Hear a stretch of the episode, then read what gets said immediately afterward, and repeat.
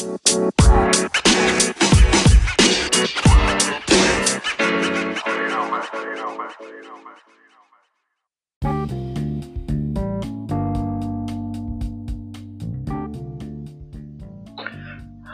um, welcome to Segera Komentar Podcast. It's been a while. What's your thing? Uh, gue Ama. Uh, for those of you who've never heard of this podcast before and just stuck to this thing and open this thing because you're bored as fuck at home and uh, you know the Corona thing. Uh, I'm basically used to be a journalist. I used to be a news producer.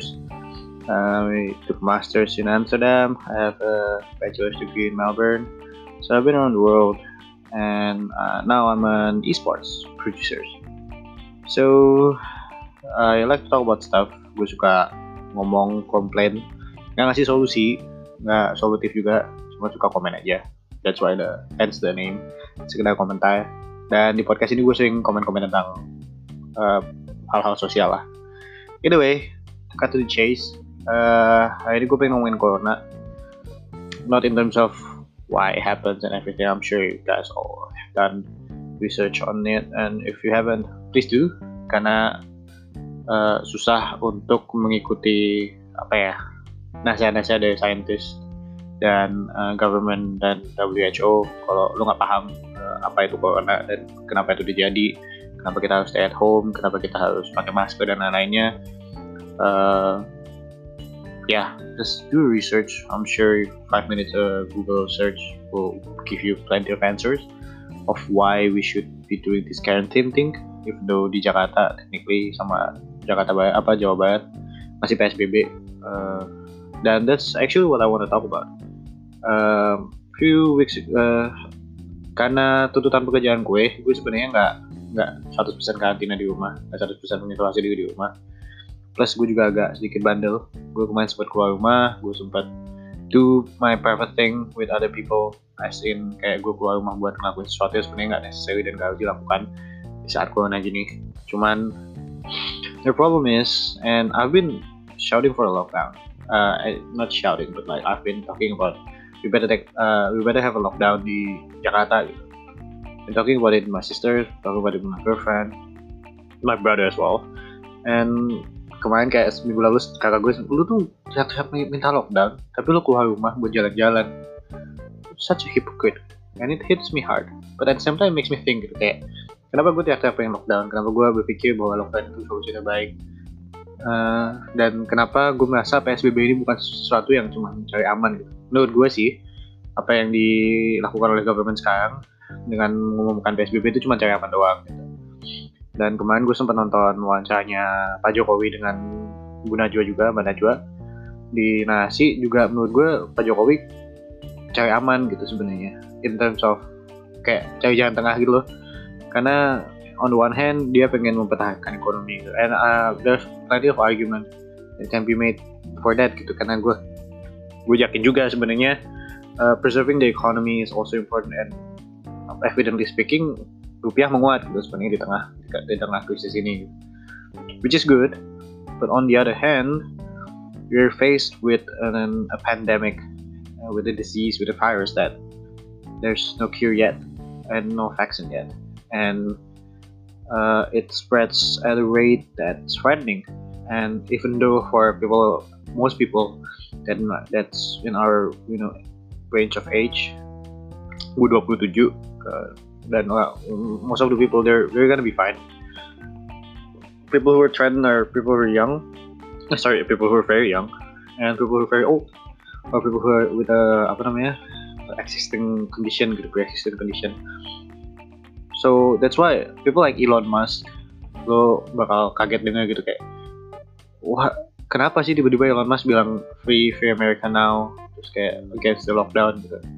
Dan banyak orang-orang yang nggak nggak setuju sama lockdown gitu. Kalau kalau lu dari sisi yang setuju lockdown what I urge you to do instead of despising them is to try to understand them. Karena gue gue pribadi merasa ya selama belum ada Q-nya kita lockdown. Uh, karena uh, apa namanya nggak nggak akan bisa kita menjaga uh, kesehatan atau apa ya penyebaran. Kalau misalnya kita nggak nggak bener-bener semuanya tetap lockdown cuma keluar sekali seminggu sekali buat uh, buat groceries gitu. And that's an argument that I would like to make about uh, PSBB as well gitu.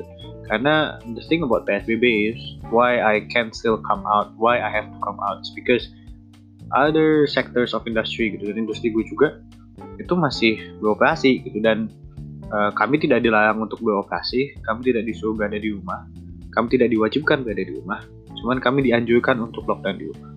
Kata dianjurkan dan diwajibkan itu berbeda sekali gitu. Karena kalau lu diwajibkan lu mau nggak mau di rumah gitu. Dan the thing is uh, I cannot say no to my uh, my employer for coming to work to the studio to do a broadcast or to do a tapping or of, of my programs because well they gotta run a business and it makes sense gitu karena kalau kalau memang uh, argumentasinya adalah uh, kita melakukan PSBB supaya uh, bisnis tetap berjalan, supaya keuangan tetap berjalan, ekonomi tetap berjalan, meskipun agak timpang.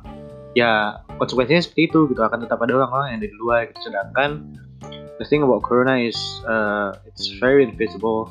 Uh, there are a lot of asymptomatic people yang ya sebenarnya carrier doang gitu dan memang solusinya mereka isolasi di rumah gitu loh di rumah dan pekerjaan-pekerjaan kayak pekerjaan gue yang nggak bisa 100% WFH kalau nggak ada aturan lockdown ya kita akan tetap ber, ber, apa ber, beroperasi dengan cara yang terbatas tapi tetap beroperasi gitu dan ya itu konsekuensinya dan itu cuman maksudnya gue bekerja di kantor yang yang mengikuti aturan gitu yang misalnya terdaftar uh, ketika lo tarik itu lebih luas lagi ke ranah pekerja-pekerja pinggir jalan tukang warung, pasar gitu-gitu itu akan lebih susah lagi dikontrol kalau misalnya uh, tidak ada aturan wajib lockdown.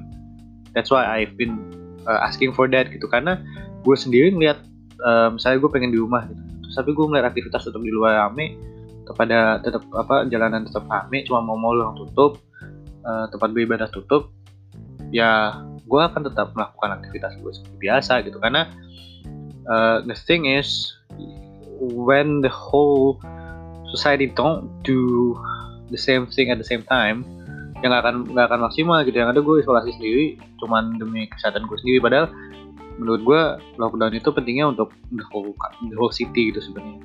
I'm not saying that I'm doing the right thing. I'm definitely doing the wrong thing. Uh, gue juga gue menyesali itu gitu dan gue merasa apa yang gue lakukan itu tidak bertanggung jawab terhadap kesehatan gue sendiri kesehatan uh, cewek gue dan kesehatan kakak-kakak gue cuma at the same time there are a lot of people like me dan uh, uh, I'm saying this not to defend myself but to say that uh, banyak orang yang akan menggunakan logika seperti gue gitu. Dan uh, just so happen I I realize uh, my sister reminds me that I'm being a hypocrite. And I need to you know stay at home. And I'm trying to do that now. Kecuali gue dipanggil kerja ya. Kalau gue dipanggil kerja gue gak bisa nolak soalnya.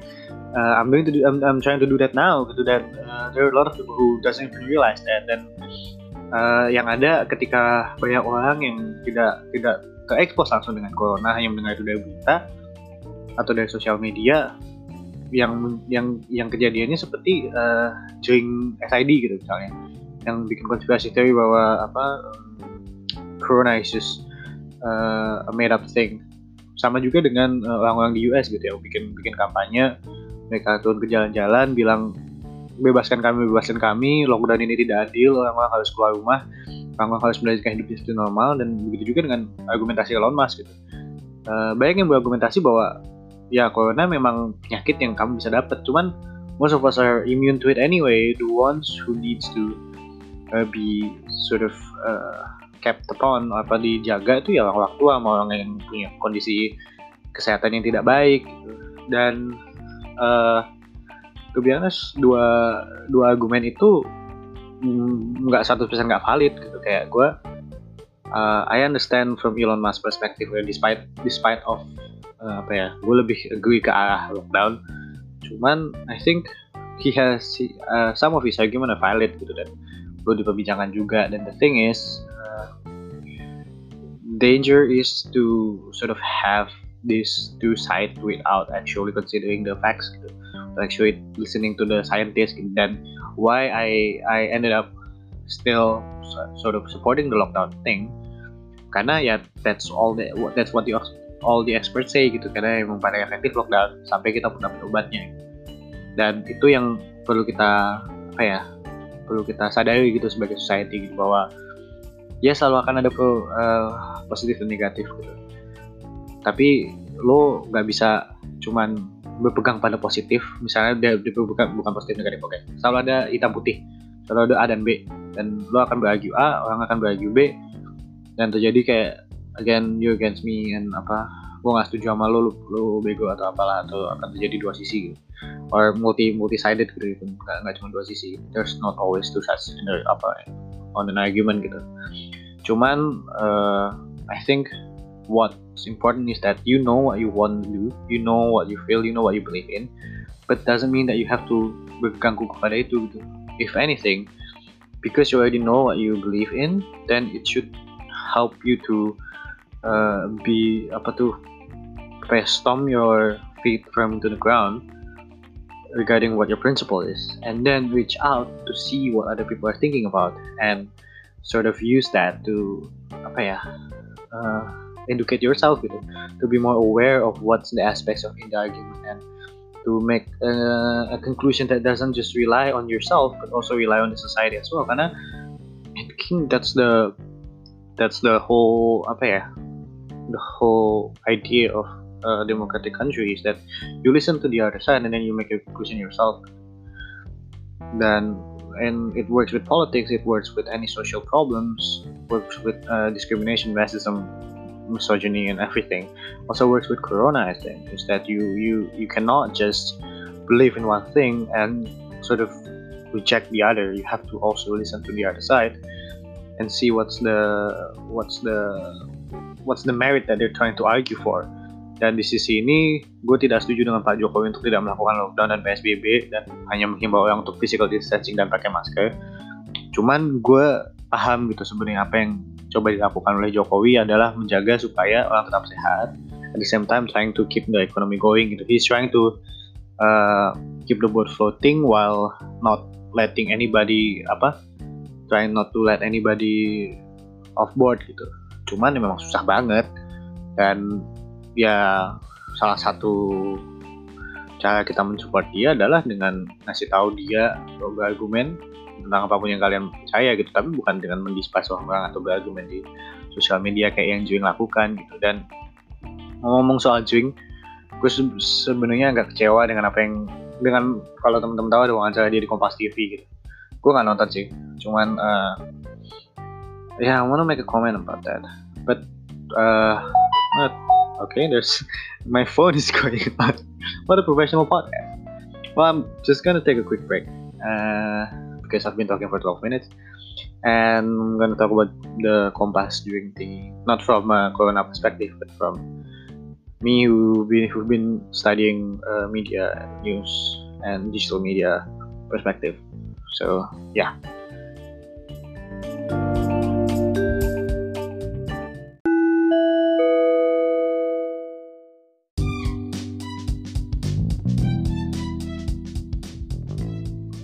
So tadi di segmen satu gue ngomongin tentang whatever it is with Corona, what I think about it, and dua sisi dari Corona tentang you know preserving the economy and uh, going for a lockdown.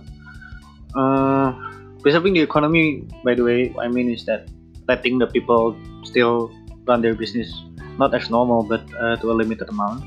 Ya kalau lu ke McD ya lu cuma bisa drive thru tapi nggak bisa dine in. Gitu. Cuman lu tetap boleh buka toko gitu. Sedangkan kalau full lockdown kan ya udah semua. Gitu dan otomatis orang-orang akan kehilangan pekerjaannya lebih banyak orang yang akan kehilangan kerjaannya otomatis buying power akan turun ya bisa bikin ekonomi turun gitu.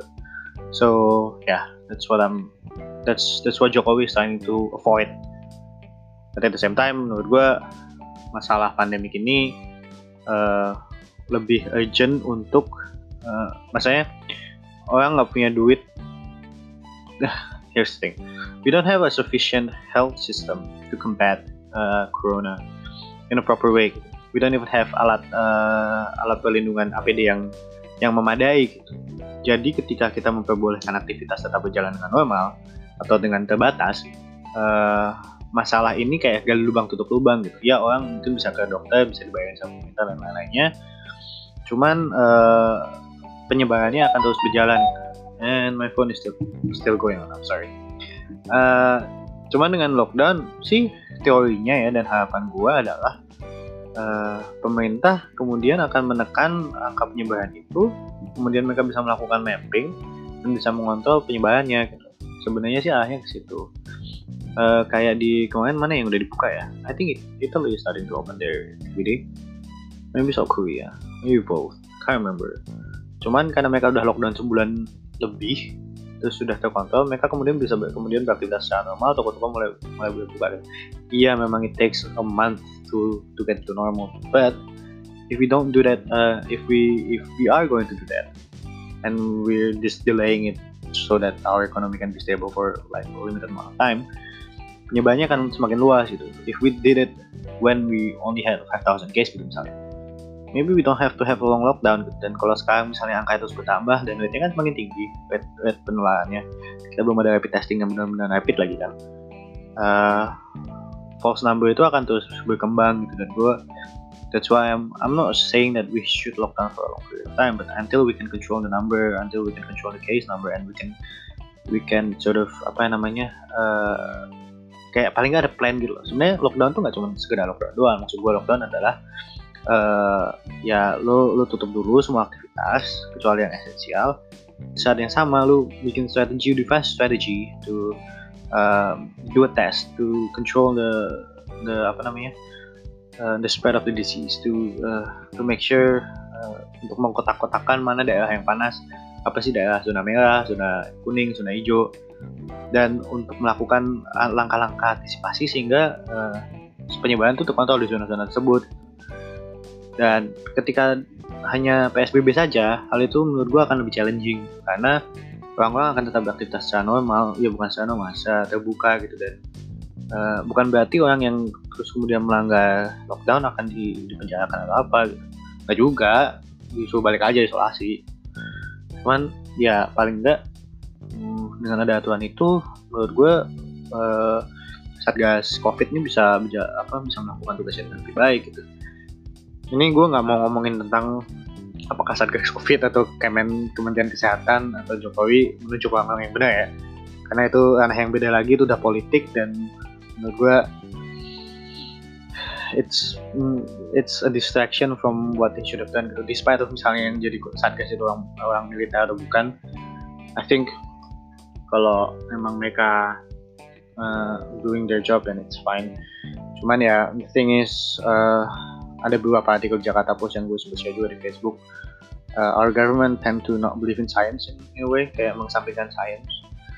Dan that's what sort of uh, apa ya sedikit meng, mengecewakan buat gue. Dan nggak cuma governmentnya doang nggak cuma uh, pemerintah doang tapi juga parlemen gitu. Kayak lo tahu sendiri kisah apa kisah lagi uh, berita tentang jamu buat buat menangkal covid atau kalau dari sisi pemerintah dan kementerian uh, bilang kalau covid itu nggak nggak efektif di tropis padahal uh, belum ada risetnya gitu. Atau riset ada riset yang ada dua sih. Atau riset yang mereka baca tuh cuman cherry picking. Jadi mereka nggak lihat dari dua sisi. So that's what said about the response that our government and parliament is having gitu. Karena ya ya mereka harusnya uh, menjadi sosok yang mendengarkan expert.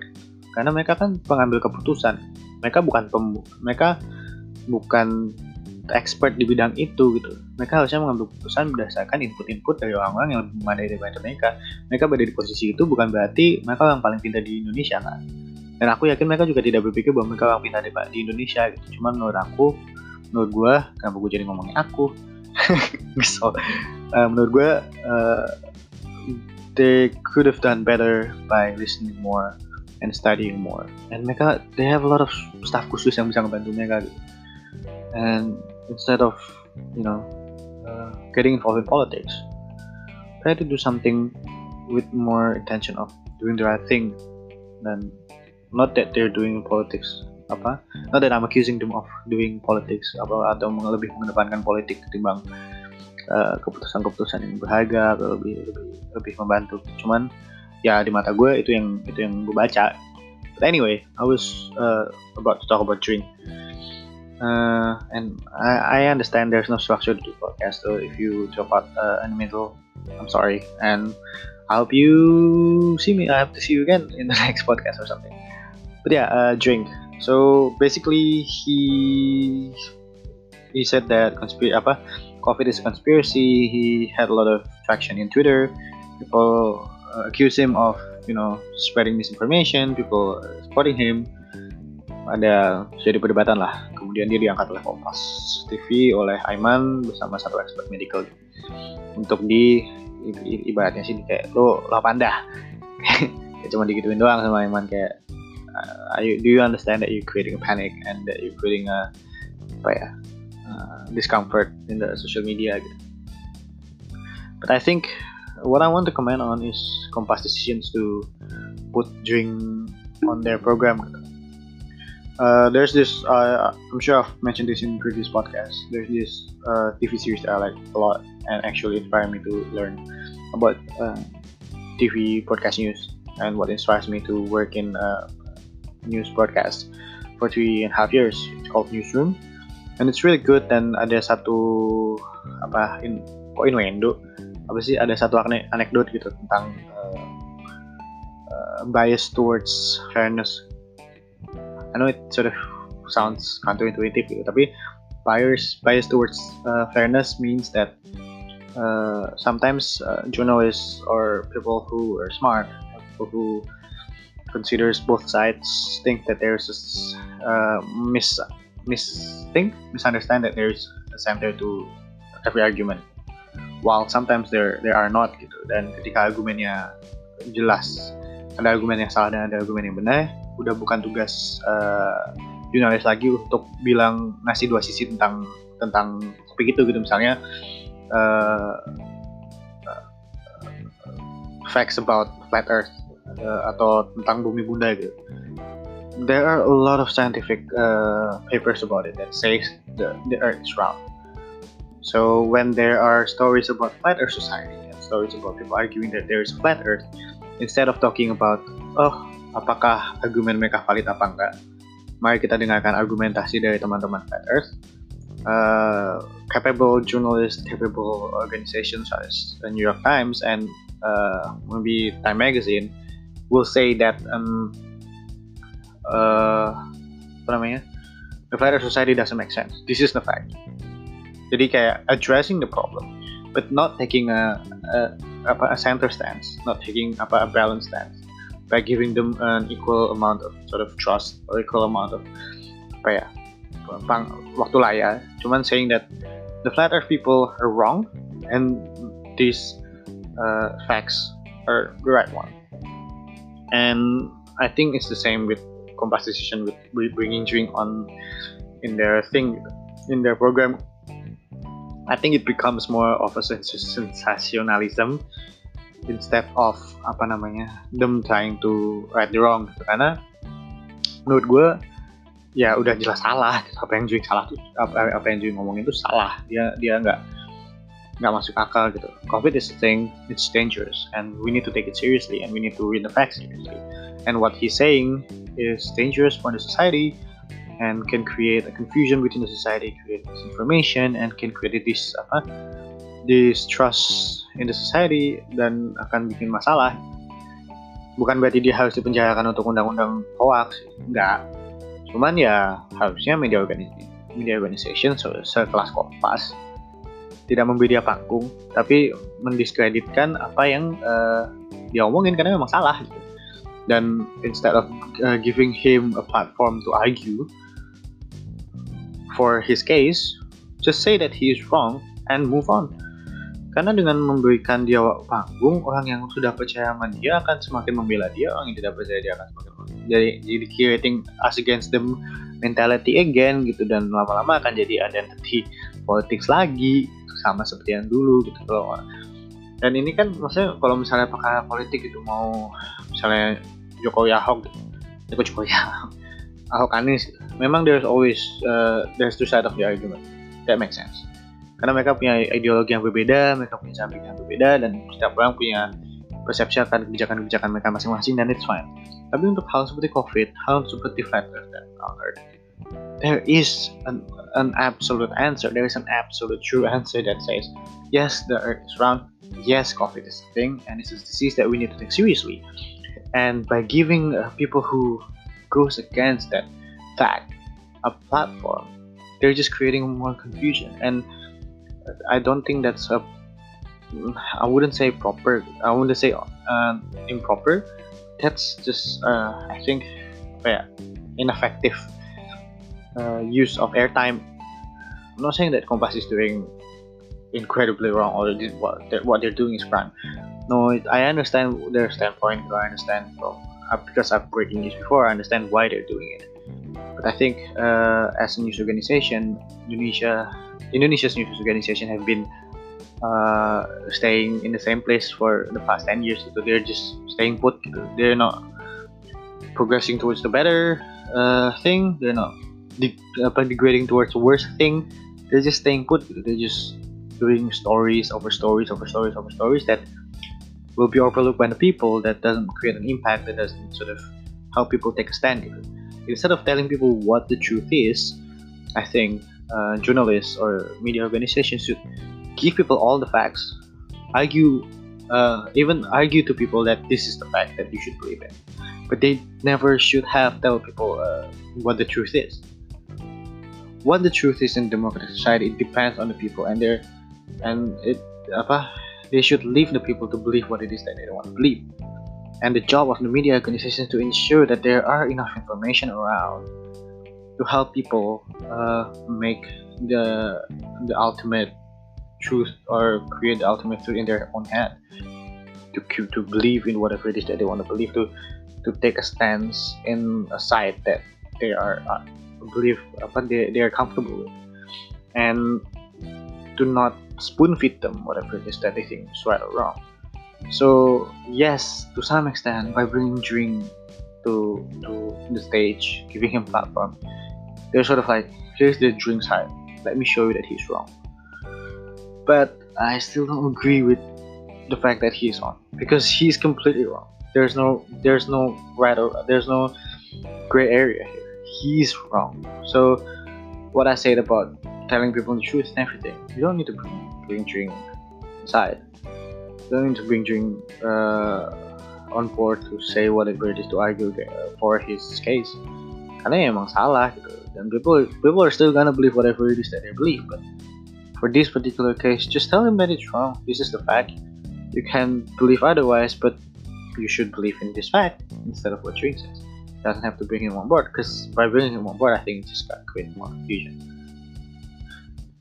But anyway, uh, itu unek-unek gue pengen gue pengen komen sepanjang covid ini uh, nothing special I think uh, and yeah I just want to say it because I haven't been uh, podcasting in a while podcast is a thing now, dude.